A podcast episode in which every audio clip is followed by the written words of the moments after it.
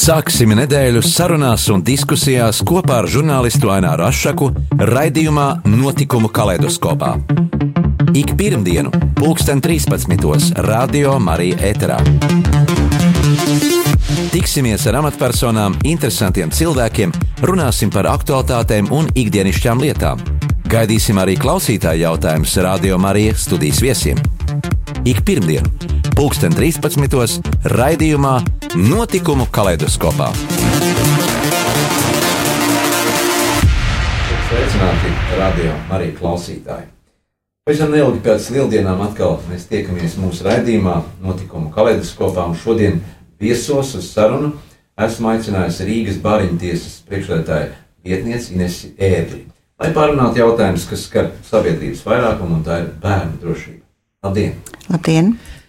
Jā, vispirms par to, varbūt, kas uh, noteica bāriņu tiesu uh, tiesas rašanos Latvijā un pasaulē.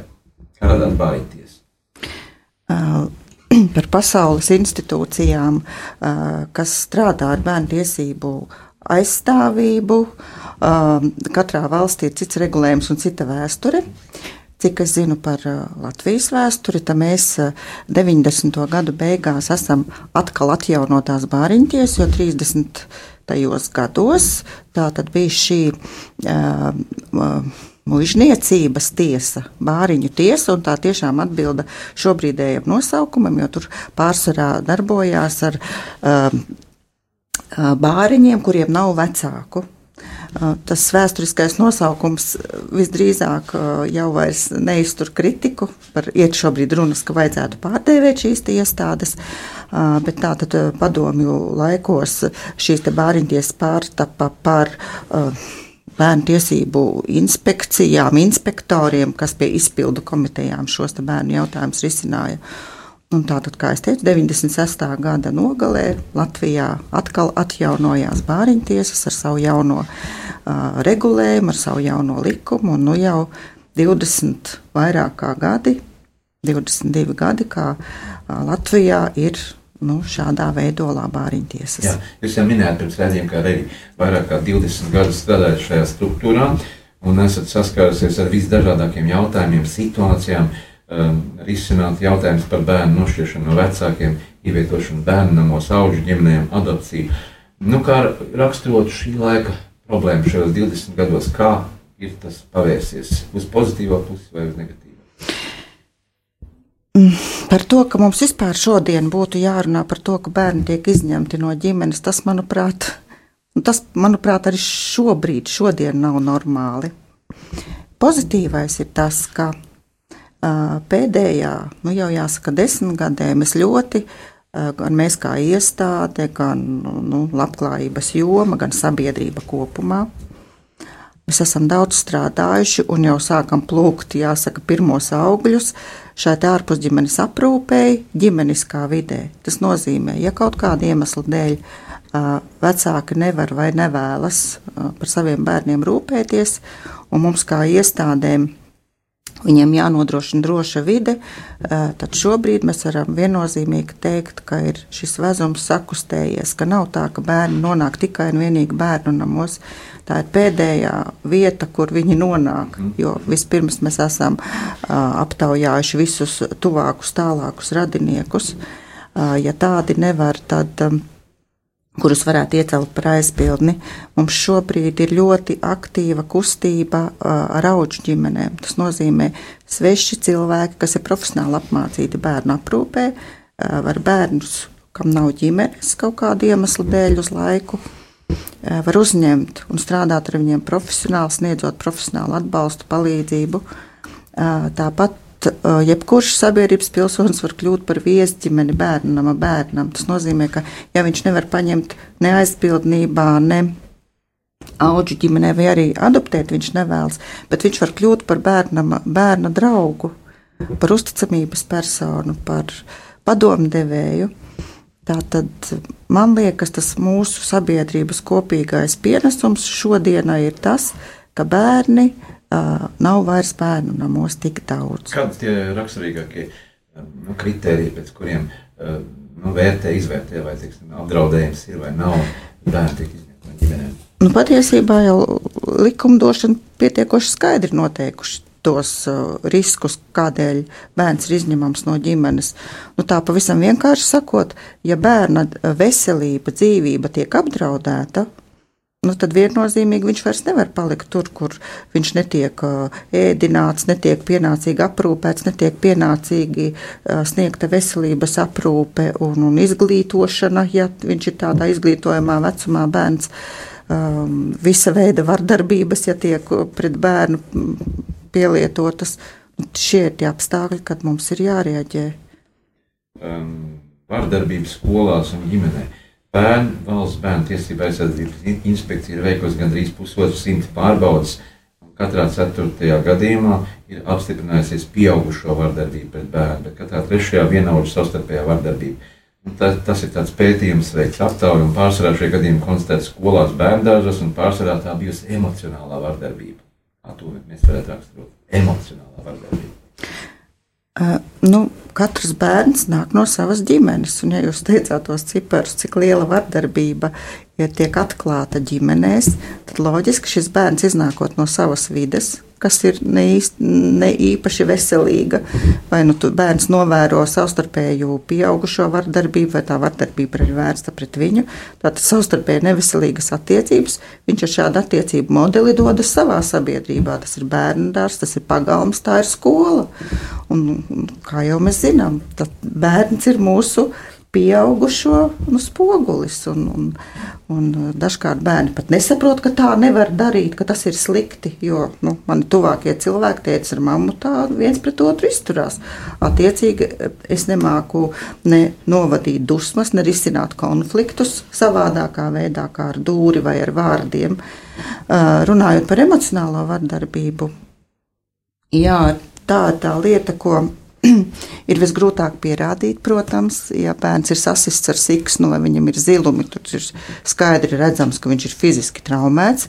Ar emocionālo vardarbību ir tā, ka nu, ne visi un uzreiz var redzēt, kā tāda veselīte ir samocīta vai izpostīta, vai, vai kā tas bērns cieš un kāpēc viņš klusē, kāpēc viņš nerunā, kāpēc viņš rīkojas tā vai savādāk, nesaprotami kādā situācijā. Nu, tad ir darbs atkal speciālistiem. Vai tāda veikta pētījuma vai aptaujas vai secinājumi. Nu, bērni tie darbojas jau 22 gadus. Um, kā šo 22 gadu laikā tie bērni, kas bija pirmie, kas tika izņemti augu ģimenēs, un kam bija toreiz problēmas, tie ir pieauguši cilvēki šobrīd. Jā, vai, tiem pašiem ir bērni. Ir pašiem bērni. Un, uh, kāds ir rezultāts, vai redzams uzlabojums, vai salīdzinot ar to padomu laiku, kad it kā šodien ir pilnīgo lietu inspekcija. Risināja jautājums. Pētījums mums tāds nav veikts, bet es negribētu teikt, ka visos gadījumos, bet diemžēl mēs diezgan daudz satiekam jau otro paudzi savā darbā. Nu, Tas sekas ir kā jūtams. Sekas ir jūtams, ja bērns ir ilgāk atradies šajā nelabvēlīgajā vidē, vai viņam nav paveicies un, un viņš nav nokļuvis ģimeniskā vidē kā jau es minēju, augu ģimenē vai pie aizpildņa. Tad iespējams arī šīs bērnu nama bērnu attiecības nav bijis tas labākais veids, kā viņam sagatavoties nu, veselīgi, tādai veselīgai, normālai dzīvei. Mēs runājam par augu ģimenēm un adopciju. Kā tiek izvērtēts, vai augu ģimene ir spējīga izglītot, nodrošināt bērnu audzināšanu?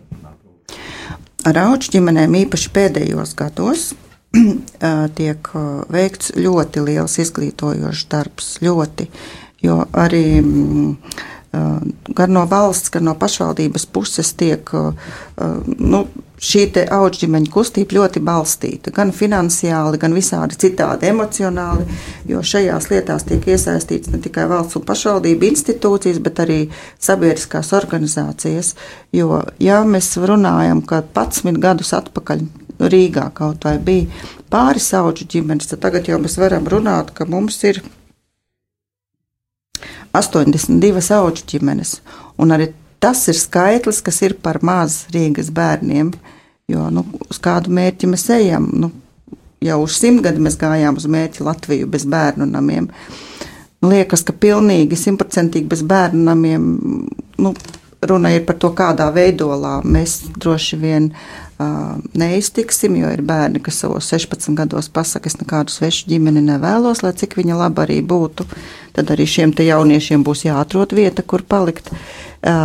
Bet mēs ļoti strādājam pie, pie tā, lai patiešām pirmais piedāvājums ir auga ģimene. Par apmācībām ir speciāli izstrādāta programma. Ir kur auga ģimenes mācās ne tikai bērnu aprūpes lietas, ne tikai uh, vecumposmu īpatnības un vajadzības, bet arī juridiskās lietas. Viņiem pašiem tiek sniegtas palīdzības gan atbalsta grupās, gan uh, psihologs. Viņiem ir arī teiksim, tādas sadarbības grupas, kur uh, uz viena gadījuma kādu augu ģimeni ir izdzīvojusi, citas augu ģimenes gūst pieredzi. Kas nozīmē, kas notiek tad, piemēram, ja auga ģimene ar kaut kādu sakritību dēļ vai eh, nu, ekonomisku apsvērumu dēļ nevar vairs turpināt audzināt šo bērnu. Ekonomiskie apstākļi noteikti, es domāju, ka nav šķērslis, jo auga ģimenes pietiekoši labi finansētas no valsts un pašvaldības. Eh, drīzāk ir gad, vairāk ir gadījumi, uh, kad kaut kādu savādāku citu iemeslu dēļ auga ģimene netiek ar savu audzināmu pienākumu, pienākumu galā vairs. Mm. Tikpat labi arī pusaudzis var pateikt, ja viņš teiksim, līdz 15 gadiem nekad savā mūžā nav darījis nekādus darbus, jo viņa ģimenē tā nav bijis pieņemts. Tad, ja auga ģimenē ir ģimenes eh, locekļiem eh, mājasēmniecībā kādi pienākumi, tad bērns to sāk uztvert tā kā nu, vardarbību. Kāpēc man tagad jāiet skolā, kāpēc man ir jāsaka jāsakārto savā, savā dzīvošanas vieta, kāpēc man, piemēram, ir dzīvojot augu ģimenē laukos, jāiet dārza ne? Lauka darbos jāpiedalās. Jā, nu, mm -hmm. sadurās tādas lietas. Un ir, protams, bērni ar ar īpašām vajadzībām es nedomāju vairāk to invaliditāti, bet ar dažādām īpašām vajadzībām, kas ir viņam un kur nepieciešama vēl speciālistu palīdzība. Un dažkārt tautu ģimenes nu, varbūt nevar izturēt to, jo viņiem, piemēram, ir vēl tur vairāki bērni. Ar šī viena īpašāka bērnu uzvedību tiek traumēti pārējie auga ģimenes bērni. Tad tiek meklēti risinājumi. Vai skaits tiek ierobežots, cik bērns adoptē ģimeni? Uh, Adopcija un auga ģimenes ir divas dažādas lietas. Adopcija ierobežojuma nav. Auga ģimenē ir ierobežojums seši bērni ar visiem bērniem, kas ir ģimenē. Gan paša bioloģiskie, gan iespējams aizbildnībā var jau būt bērni līdz sešiem bērniem vispār šajā mājā. Pa, var būt izņēmums tad, ja, nu, piemēram, ģimenei ir pašiem divi bērni un ir, piemēram, pieci bērnu ģimene kuru nebūtu vēlams, nu, nevis nebūtu vēlams, bet nedrīkst šķirt. Nu, tad var būt brāļu māsas. Jā, brāļu māsas. Pēc brīža sarunu turpināsim ar mūsu šīdienas raidījumu viesi, ar Rīgas baņķies priekšlētāju vietnieci Ines Ēru, bet tagad lai skan mūzika.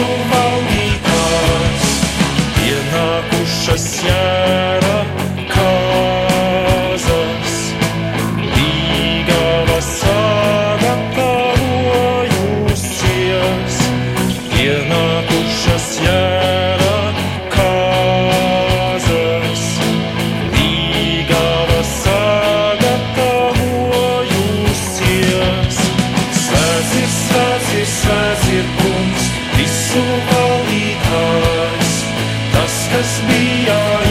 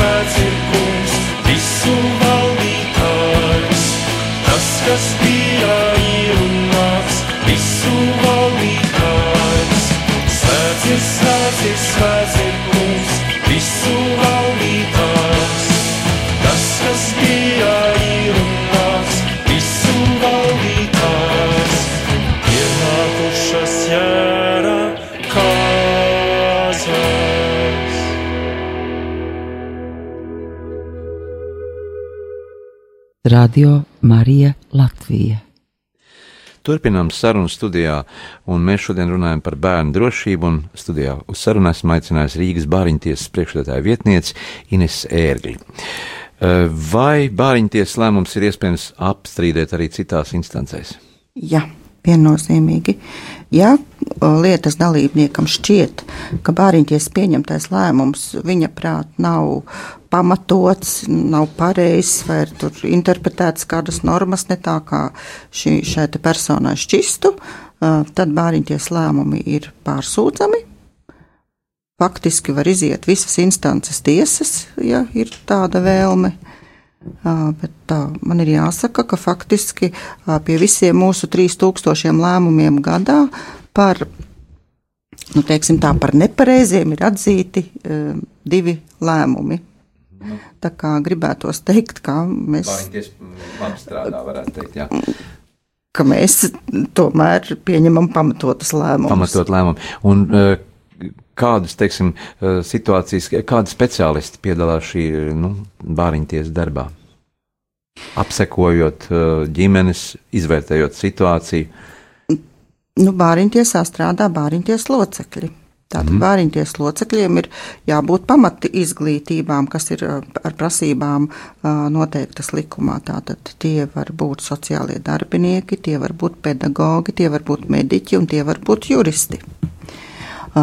Protams, mums visos gadījumos mēs dodamies apsekot, bet mūsu tuvākie sadarbības partneri ir sociālie dienesti. Mēs ar sociālajiem dienestiem kopā varam doties apsekot, varam izvērtēt nepieciešamos resursus jebkurai ģimenei. Tā kā nu, jebkurā gadījumā tie sadarbības partneri. Jebkurā situācijā var mainīties. Tur var būt iesaistīts ģimenes ārsts, var būt iesaistīta skola, var būt iesaistīts dārziņš, var būt iesaistīti, nezinu, kaimiņi, radinieki. Tātad mēs izvērtējam šo informāciju, saņemam, izfiltrējam, kurš tagad strādās. Jo mērķis jau no bāriņu tiesai pieņemt šos te, nu, represīvos lēmumus, kādam kaut ko atņemt. Jā, gribēju teikt, ka bāriņu tiesa jau eh, nu, sabiedrībā ievies tādas zināmas bailes saskaroties. eh, Liekas, ka mm, tas ir soģis, un kā jau pirms raidījuma mēs te runājam par vienu tādu eh, atsevišķu gadījumu, kur it kā anonīma sūdzība uzrakstīta ir pēc mūsu klausītāju mm, rakstītā un teiktā, eh, kā rīkoties, ja anonīma, anonīma sūdzība saņem bāriņu tiesu, un, un māte uzskata, ka nu, apmelot situācija nav tāda, kā, kā, kā, kā tas ir teikts. Bāriņtiesai ir jāpārbauda jebkura mums sniegtā informācija, gan anonīma, uh, uh, gan iesniegumā rakstīta, gan telefoniski sniegtā jebkura informācija mums ir jāpārbauda, lai cik var būt šķistu tai ģimenei, par kuru ir rakstīts, tas nērti. Un tas nav jāuztver kā, kā sots vai, vai, vai kaut kas nelāks. Ja? Man ģimenē viss ir kārtībā, bet Jā. kāds kaimiņš par mani kaut ko ir bāriņtiesai izstāstījis vai uzrakstījis. Nu, tad esmu atvērts sadarbībai un skaidroju atbildu uz uzdotajiem jautājumiem. Uh, un izskaidroju, un nevienmēr eh, jebku, jebkura sniegtā informācija atbilst patiesībai, un, un ne pie jebkuras informācijas bāriņties ar kāda lieta, kas beidzas ar, teiksim, bērnu šķiršanu no ģimenes. Mm. Nebūtu, ne? Uh, šobrīd daudzas ģimenes ir izceļojušas uh, ārpus Latvijas, ārzemēs, Īrijā, Anglijā, citās valstīs. Kas uzrauga nu, šīs ģimenes un šo problēmu risinājumu veids? Es negribētu teikt, ka tās visas ģimenes ir problēma ģimenes, kuru kāds ģimenes loceklis ir aizdevies. Un uh, lielpilsēta Rīga laikam nav tas uh, lielākais piemērs, kur puse pašvaldības ir aizdevusies uz ārvalstīm strādāt. Es domāju, tām ģimenēm, kas jau ir izbraukuši, kas ar viņām tajās valstīs strādā. Tajās valstīs, nu, viņi ir devušies uz tām valstīm, un uh, viņiem ir jāpagaida jāpakļaujas un jāievēro tās valsts likumdošana arī attiecībā uz ģimenes lietām un attiecībā uz bērniem. Un, diemžēl ir jāsacina, ka uh, tad, kad aizdodas nu, kaut, kaut vai uz Angliju un Īriju, kas ir populārākās uh, vietas, kur braukt un strādāt, uh, daži mūsu tautieši dara varbūt tā, kā viņi uzskata par pareizu, kā iespējams Latvijā viņiem par to nekas nav bijis. Uh, Un, uh, līdz ar to viņi dusmojas uz tām uh, bērnu tiesību aizsardzības iestādēm, ka nu, par tādu sīkumu mums uh, atņēma bērnu, vai par tādu sīkumu mums bija kādas tur nepatikšanas bērnu, par bērnu audzināšanas jautājumiem. Diemžēl, un tajos brīžos viņi atcerās Latviju, ka mums ir jāsadarbojas ar to valstu institūcijām, jāmeklē šeit aizbildņi Latvijā, piemēram, ja tur ir izņemti bērni. Uh, patiesībā ir diezgan smagi, jo es gribētu teikt, ka Anglijā un Īrijā ir daudz, daudz stingrāka uzraudzība par bērnu drošību. Un patiešām varbūt kādai Latvijas ģimenei šķistu, nu kas tad tur bija? Es tur bērnam stingrāk pateicu, vai kaut ko, vai pa, pa, um, nu, tur kaut ko tur ausu paraustīt. Tas taču nekas nav. Bet tiklīdz dienestu redzes lokā nonāk šī informācija, tur ir momentā rīcība, momentā bērna šķiršana drošos apstākļos. Un tad tur ir vecākiem ļoti ilgi jāpierāda, ka viņi nav tā domājuši, vai tas nav slikti. Vai... Šie bērni varētu būt ievietot arī attiecīgo valstu auģu ģimenēs. Jā, viņi tiek ievietot tā. attiecīgo valstu auģu ģimenēs. Vai pastāv iespēja, ka uh, nu, šo latviešu ģimeņu bērni tiek uh, auģu ģimenēs uz Latviju nosūtīti? Ir tāda iespēja? Ir tāda iespēja, bet šīs lietas iet ļoti grūti. Uh, mēs, teiksim, esam piedalījušies vairākās ārvalstu procesos, kas ir ļoti gari, kas ir ļoti ilgstoši. Uh, Eh, ļoti mm, smalki un precīzi tās valsts uh, tiesas un, un amatpersonas, kas nodarbojas ar šiem jautājumiem, izvērtē mūsu piedāvājumus.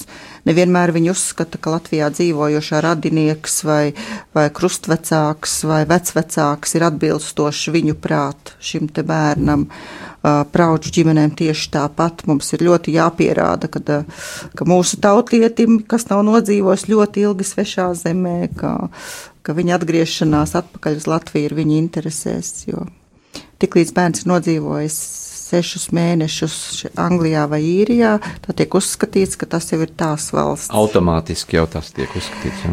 Mhm. Esam cīnījušies ilgi un gari, bet principā tā tur tā nostāja vairāk ir, jo bērns ilgāk nodzīvojis ir tur, jo viņi uzskata, ka tas ir jau viņu pilsonis. Nu, kādi ir tie raksturīgākie pārkāpumi, kur, dēļ kuriem nu, cieši šīs ģimenes ir cietušas? Jūs domājat, ārvalstīs? Es domāju, ka Latvijā. Latvijā? Mm.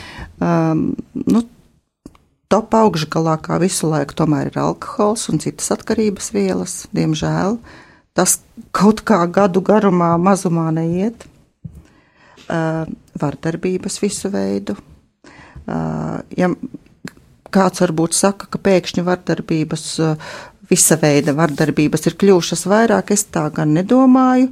Man liekas, ka mēs vienkārši esam paši kļuvuši redzīgāki un atvērtāki. Mēs zinām, kam par to var pateikt, ka mēs neesam vairs tik vienaldzīgi, nu, kas notiek man uh, klases biedru, tur, ko es bērnu, ko es redzu vai ko es redzu kaimiņos.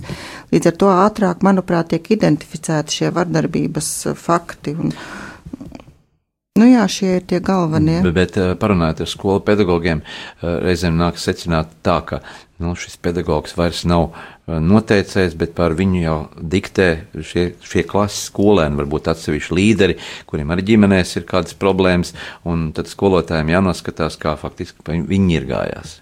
Kā rīkoties situācijās tādās, kad bērns zina savas tiesības, bet ignorē savus pienākumus.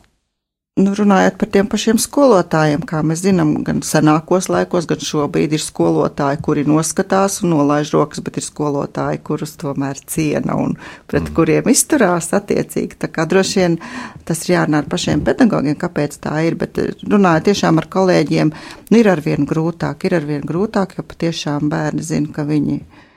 Uh, Bet, manuprāt, ne, nevar darbīgi ar bērnu runājot tādā gadījumā līdzīgs ar līdzīgu. Jā, es tevi cienu, bet tev ir jāciena arī mani. Tev ir jāciena mans darbs, un tu ar savu rīcību skolā tu nevari, teiksim, traucēt pārējo bērnu visas citas lietas. Cik daudz tādu pārkāpumu skolās, nu, kad tomēr kad skolotāji vai bērnu dārza audzinātāji ir, ir vardarbīgi rīkojušies, nu, kaut emocionāli vai fiziski vardarbīgi rīkojušies. Ir kāda statistika? Nav statistikas tādas, tādas nē. Jā, labklājības ministrija stājoties amatā, labklājības ministrijā stājoties amatā labklājības ministrei Ramonai Petrāvičai uzsākus gaitas uh, audita pārbaudi valsts bērnu tiesība aizsardzības inspekcijā un konstatējusi, ka iestādes iedibinātais uzraudzības modelis nav efektīvs, ja nav vērsts uz savstarpēju un mērķtiecīgu sadarbību bāriņu darbības uzlabošanai un bērnu tiesību aizsardzības nodrošināšanai. Jā, kāda tā sadarbība starp valsts bērnu tiesību aizsardzības inspekciju un bāriņu tiesām? Nu, ņemot vērā, ka Valsts bērnu tiesība aizsardzības inspekcijā patiesībā droši vien, ka 90 kaut cik procenti darbinieku ir nomainījušies, uh, Tā tad ir jauni cilvēki sākuši strādāt šajā sfērā. Es jau gribu vairāk pierādīt. Uh, nē, es, tāpēc man nebūs tāda ilgtermiņa pieredze, par ko pastāstīt, jo šie te, uh, darbinieki, manuprāt, paši apgūst vēl šo jomu. Uh, Nu, tāda inspekcija ir, un mums ar viņu ir jāsadarbojas, un to mēs arī darām. Tā. Jā, ir atkal laiks uh, mūzikai, un pēc brīdiņa atkal sarunu turpināsim ar mūsu šīsdienas viesu Rīgas Bāriņties priekšstādātāju vietnieci Ines Ēgli. Lai skan mūzika! Tu augstu esi mani cēlis, tu mani dziedināji, es augsti teikšu tevi, es augsti teikšu tevi, kungs, tu glābi manu dvēseli, tu uzturēji mani dzīvu. Es augsti teikšu tevi, kungs, es augsti teikšu tevi, kungs, dziediet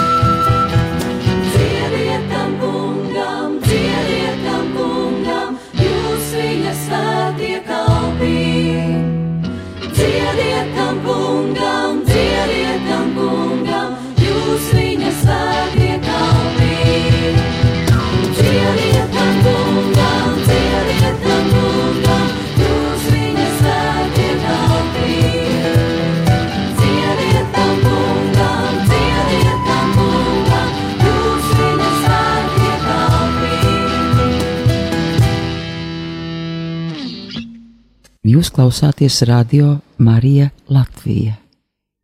Turpinām sarunu studijā ar mūsu šīsdienas viesraidījumā Rīgas Bāriņtiesas priekšsēdētāja vietnieci Inesi Ērgli. Uh, par, mēs runājam par, par bērnu drošību, par sabiedrības vairākumu interesējušiem jautājumiem. Uh, Kas ir sociālajie palīdzības dienesti un ko tie var sniegt, kādas pakalpojumus un kādi ir piedāvājumi un iespējas uh, vecākiem, kuru ģimenēs varbūt nav tik spoža tā dzīve? Jā. Tātad sociālais dienests ir mūsu labā roka. Tātad mēs, kā mēs sakām, bāriņtiesas klienti, vairums gadījumos arī sociālā dienesta klienti. Jo pavisam nesen likumdošana izdarīja mazas korekcijas, ā, kur situācijā, ja ir ienācis signāls un bāriņtiesā ir ierosināta lieta, piemēram, par aizgādības tiesību pārtraukšanu, tad tas nenotiek uh, momentā bāriņtiesā, bet bāriņtiesa šiem te, šie, šai te ģimenei, šiem te vecākiem uzdot par pienākumu uh, konkrētu laiku, nu, lai cilvēks mobilizētos divus mēnešus vai trīs mēnešus, var izvērtēt. Tātad, lai kopā ar sociālo dienestu, pirmkārt, sociālā dienesta, izvērtētu, kādus pakalpojumus šai ģimenei būtu nepieciešams dot un ko viņi var piedāvāt, ģimene saprast, ko viņi var vai nevar. Dodam šo te laiku un ar mērķi, eh, ka ģimenē sadarbojoties ar sociālo dienestu, mums šī lieta ir jāizbeidz, jo šie apstākļi ir vai nu izbeigušies, vai labojušies uz labo pusi. Un es gribētu teikt, ka sociālais dienas nebūtu vairs nav tikai kā stereotipiski tiek domāts pabalstu maksātāji, um, trūcīgo ģimeņu apgādātāji pašvaldībā. Nē, vismaz Rīgas bāriņtiesā, un es arī zinu kolēģiem citās pašvaldībās, eh, sociālais dienests ir nu, dažādu pakalpojumu devējs un piedāvājam, ka šie pakalpojumi ir pašvaldības iedzīvotājiem bez maksas. Sabiedrībā izveidojas tāds, tāds nu, priekšstats, ka, ja es iešu ņemt sociālo palīdzību, tas nozīmē, ka es esmu masturīgs, mani atkal Nebūt. apsmies un atkal Nebūt, var rasties nebūt. situācija. ka- Protams, ir masturīgajiem un nabadzīgajiem cilvēkiem tā ir materiālā palīdzība arī, bet ko es gribu uzsvērt? Tas ir psihologa desmit konsultācijas bez maksas. Tā ir ģimeņa domstarpība vai šķiršanās gadījumos mediācija bez maksas. Šie ir, šie ir dārgi pakalpojumi, pašvaldības atmaksā tie ļoti dārgi pakalpojumi, bet pašvaldība, kurās ģimenes tiek uzskatītas kā prioritāte, lai viņas saglābtu, lai viņas kaut kādā veidā kaut vai izšķirtos cilvēcīgi, mazāk traumējot bērnus, piedāvā šādus pakalpojumus. Vecākiem ir iespēja apmeklēt interešu grupas, kas tiek organizētas tad mazo bērnu emocionālā audzināšana, pusauģa audzināšana, dažādi citi tematiskie uh, speciālistu sniegtie uh, mācības, kursi, lekcijas. Tā Tad, zināmā mērā, tā ir tāda paša izglītošanās, un kas palīdz arī audzināt Tieši bērnu. tā Mēs tikko pieminējām mediāciju. Mediācija, varbūt pastāstīsim. Kas ir cik mediācija? Tātad mediācija ir, nu, teiksim, tā, tā, tā ir. Uh, Sarunu vešana trešās personas klātbūtnē. Ja mēs kā divi cilvēki, kuriem ir kādas nesaprašanas, nu, pieņemsim, vecāki, kas šķirās un nekādā veidā nevar vienoties, kā viņi abi divi nedzīvojot kopā, realizē savas vecāku tiesības un pienākumus. Un savā viņiem ir iespējams kaut kas tik neizrunāts vai tāds naids vienam pret otru, ka viņi nevar konstruktīvi atrisināt kādas pavisam lietišķas lietas. Tad ir šis trešais mediātors, apmācīts speciālists, eh, kas šo procesu vada. Uh, un mērķis ir, pirmām kārtām, šis ir uh, labprātīgs process, jo nevar ar varu piespiest iet pie mediātora, iesaistīties šajā procesā. Bet, ja mēs esam tik tālu, abas sakaitētās puses vienojušās, ka mēģinam, tad vienā lielā procentā ir rezultāts. Vai nu, jo uh, pašu savstarpēji pieņemts lēmums ir daudz stiprāks nekā no malas, no bāriņu tiesas, no tiesas, regulējums no malas uzlikts. Uh, un, un tad tas liekas, nu, tā kā ar varu uzspiest no abām pusēm. Nu, tā daļēji apmierina.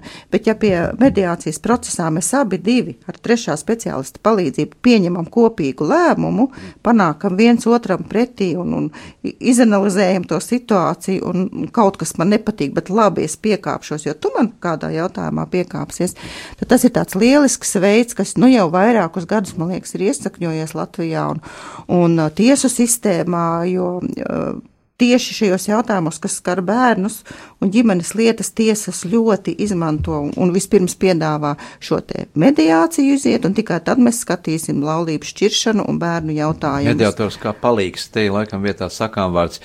Cita acī tu redzi uh, skabargu, bet savā acī tu neredzi, ka tas baļķis, tas mediātors kā palīgs, kā starpnieks. Tieši kas, tā, kas, kas korekti varbūt pavērsīs to skatu pašam pret sevi un, un varbūt, ka tu tiešām arī pats sapratīsi, ka varbūt Zinām, man. gadiem, ka tie vecāki, nu, tiešām atskārs, ka, ka jā, situācija jā. ir tāda, ka es varēšu savādāk jā. rīkoties, un m, patiesībā es, es uh, neesmu tāds, kā varbūt tur ģimenes otra pusīte, domāju. Pat. Jā, pietiekoši daudz gadījumos ir šie te izlīgumi, kur tātad abas puses pašas var sastādīt izlīgumu, Mēs tādu esam izdomājuši, kas saistīts ar bērnu lietām, un tad mēs varam iesniegt šādu izlīgumu tiesā apstiprināšanai, un tad nevis uh, sveši cilvēki no malas pieņēma par mūsu kopīgajiem bērniem kaut kādu regulējumu, bet mēs paši vecāki izdomājām un iedavām tiesai apstiprināšanai. Jā.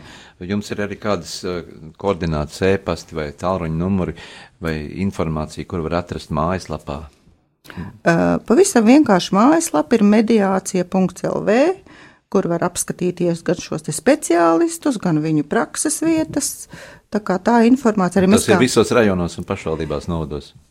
Jā, nu, protams, nav katrā pašvaldībā visdrīzāk, bet kaut kādos tādos re reģionāli kaut, kaut kā jau. Tāpēc var paskatīties šo informāciju, un mēs ļoti ar šo informāciju dalāmies, iesakām Kādam izdodas, kādam arī neizdodas. Simtprocentīgi nekad visiem visas eh, nav vienādi, bet iesaku to pamēģināt jautājumos, kas skar bērnus noteikti. Jā, mūsu saruna tuvojas noslēgumam. Vēl gribētos rezumēt, tā, kādi ir tie noteikumi vecākiem, kā nosargāt savu bērnu dzīvību, veselību, eh, lai necieš šis eh, mazais cilvēciņš. Kādi galvenie pamati tādi noteikumi, kas jāievēro? Man liekas, galvenais un pamatlieta ir mīlestība pret savu bērnu, jo to, ko es mīlu, tam es nu, jebkurā jomā pāri nedarīšu, un došu un darīšu viņam to vislabāko. Un, ja ir mīlestība, tad ir cieņa, tad ir abu vecāku savstarpējās attiecības, un es domāju, tādā uh, cieņā, mīlestībā un saticībā arī visas šīs lietas, par ko mēs runājam, ko mēs izvērtējām bērnus, uh, izolēt vai neizolēt no ģimenes, uh, ja šie pozitīvi apstākļi uz bērnu nu, izlīst kā gaisma, tad arī bērni nebūs jāaizņem mums no ģimenēm. Jā, mūsu sarunas noslēgumā gribētos, lai jūs novēlētu kaut ko mūsu arī radio klausītājiem, jo mūsu moto ir patvērums Dievā 24 stundas diennaktī. Šeit arī jūties aizsargāts, ja tu esi kopā. Ko jūs gribētu novēlēt mūsu radio klausītājiem? Nu, droši vien to pašu mīlestību un sapratni pret sev, pret sev tuvāko, nebūt vienaldzīgam pret apkārtējiem visos jautājumos. Vai, tā, vai tas ir bērns, vai, vai, vai tas ir dzīvnieks, vai tas ir, tas ir kāds notikums, būt atvērtam, atvērtu sirdi. Paldies par sarunu mūsu šodienas viesim Rīgas Bāriņtiesas priekšstādē vietniece Inesei Ērglē. Un eh, jātic, ka, ka ja būs eh, stipra ģimene, būs stipra valsts, un mēs dzīvosim valstī mm, veseli, mm, izglītoti, un mūsu sabiedrība uh, ies uz augšu, nevis slīdēs uz leju, kā tas dažkārt mēdz būt dažādu negāciju rezultātā. Paldies, ka jūs atradāt laiku atnākt pie mums. Paldies! Lūdzu. Sāksim nedēļu sarunās un diskusijās kopā ar žurnālistu Aināru Rošu raidījumā Notikumu kaleidoskopā. Ik pirmdienu, pulksten 13. Radio Marija Eterā. Tiksimies ar amatpersonām, interesantiem cilvēkiem, runāsim par aktuālitātēm un ikdienišķām lietām. Gaidīsim arī klausītāju jautājumus Radio Marija studijas viesiem. Ik pirmdienu, pulksten 13. raidījumā Notikumu kaleidoskopā.